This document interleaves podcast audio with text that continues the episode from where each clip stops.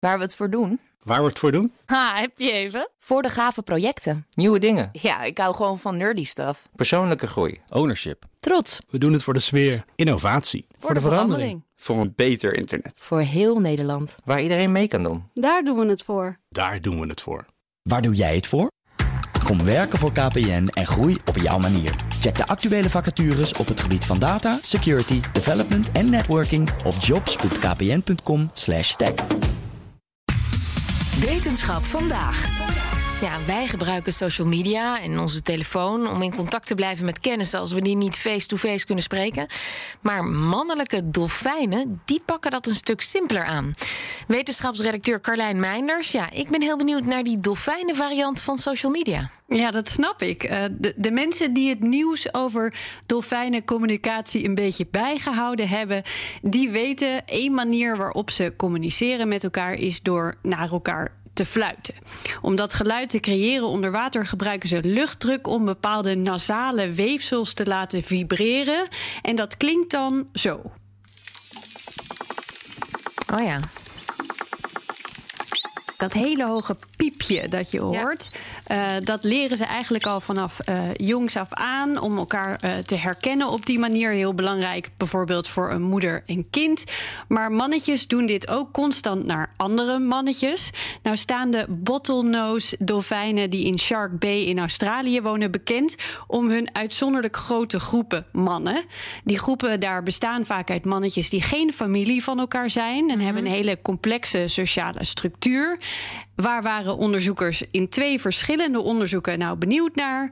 Wat hebben die mannetjes nou precies aan die groepstructuur? En welke rol spelen die fluitjes daarbij? En is dat eigenlijk uniek dat die mannen in zo'n grote groep bij elkaar leven? Ja, ja, dat zie je niet veel in het dierenrijk. Meestal is er vooral competitie tussen de mannetjes. Uh, chimpansees en leeuwen zijn uh, daarop een uitzondering.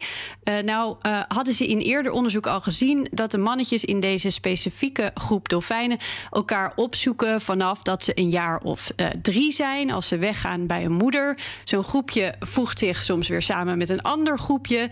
En, da en dat vormt een soort uh, team eigenlijk. Mm -hmm. Met soms wel zo'n veertien mannetjes. En met dat team gaan ze dan weer de competitie aan met andere teams. Met als uiteindelijke doel, hoe kan het ook anders, het versieren van de dames. Um, in een van de twee onderzoeken uh, waren wetenschappers van de University of New South Wales benieuwd hoe deze samenwerking de kansen van de mannetjes op voortplanting beïnvloeden. Hmm, ik moet denken aan een soort jaarclub, een soort mannenjaarclub of zo. Maar goed, ja, zo klinkt het. Dus ze kijken hoeveel nageslacht één zo'n mannetje voortbrengt. Ja, precies. En wat die groepsdynamiek er nou mee te maken heeft. En ze bekeken 30 jaar aan gedragsdata van 10 middelgrote teams. Ze zochten uit welke mannetjes de sterkste band hadden met elkaar. Dat baseerden ze dan op hoeveel tijd er met elkaar door werd gebracht. En welke mannetjes populair waren. Dat waren de mannetjes die met iedereen in het team veel contact hadden. Vervolgens legden ze dat naast genetische data van mannetjes en jongen uit dat gebied. En toen zagen ze de mannetjes die de sterkste sociale banden hadden en met de meeste andere teamleden contact hadden, die hadden de meeste kinderen. En het bizarre was, leeftijd, grootte of grootte van het leefgebied, die speelden allemaal juist okay. helemaal geen rol. Dat is uh, vrij bizar. Want hebben deze mannetjes dan een soort gunfactor, omdat ze sociaal zo handig ze, zijn of zo? Ja, ze hebben in ieder geval uh, altijd het voordeel van goed in de groep zitten, zeg maar. En de bescherming van zo'n groep. Maar inderdaad, misschien krijgt het meest uh, populaire mannetje ook wel een soort voorrang van de rest of zo.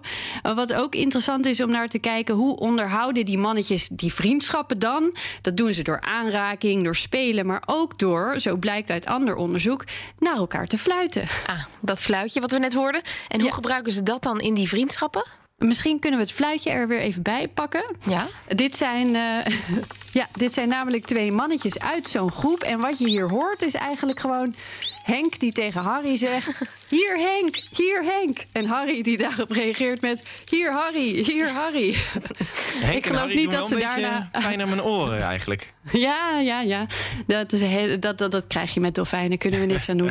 ik, ik, ik, vraag me nog af of ze dan ook eindigen met over.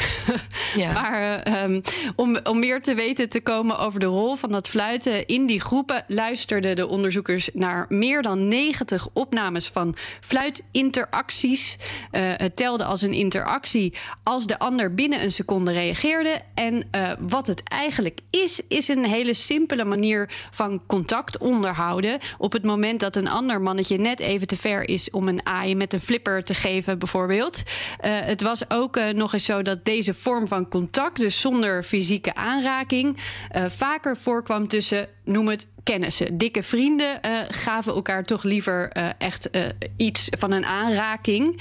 het lijkt eigenlijk wat dat betreft behoorlijk veel op het groomen dat chimpansees bij elkaar doen.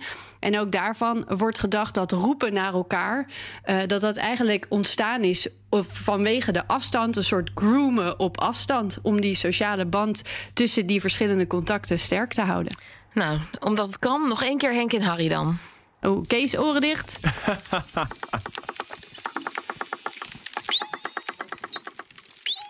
Over. Dankjewel, Carlijn.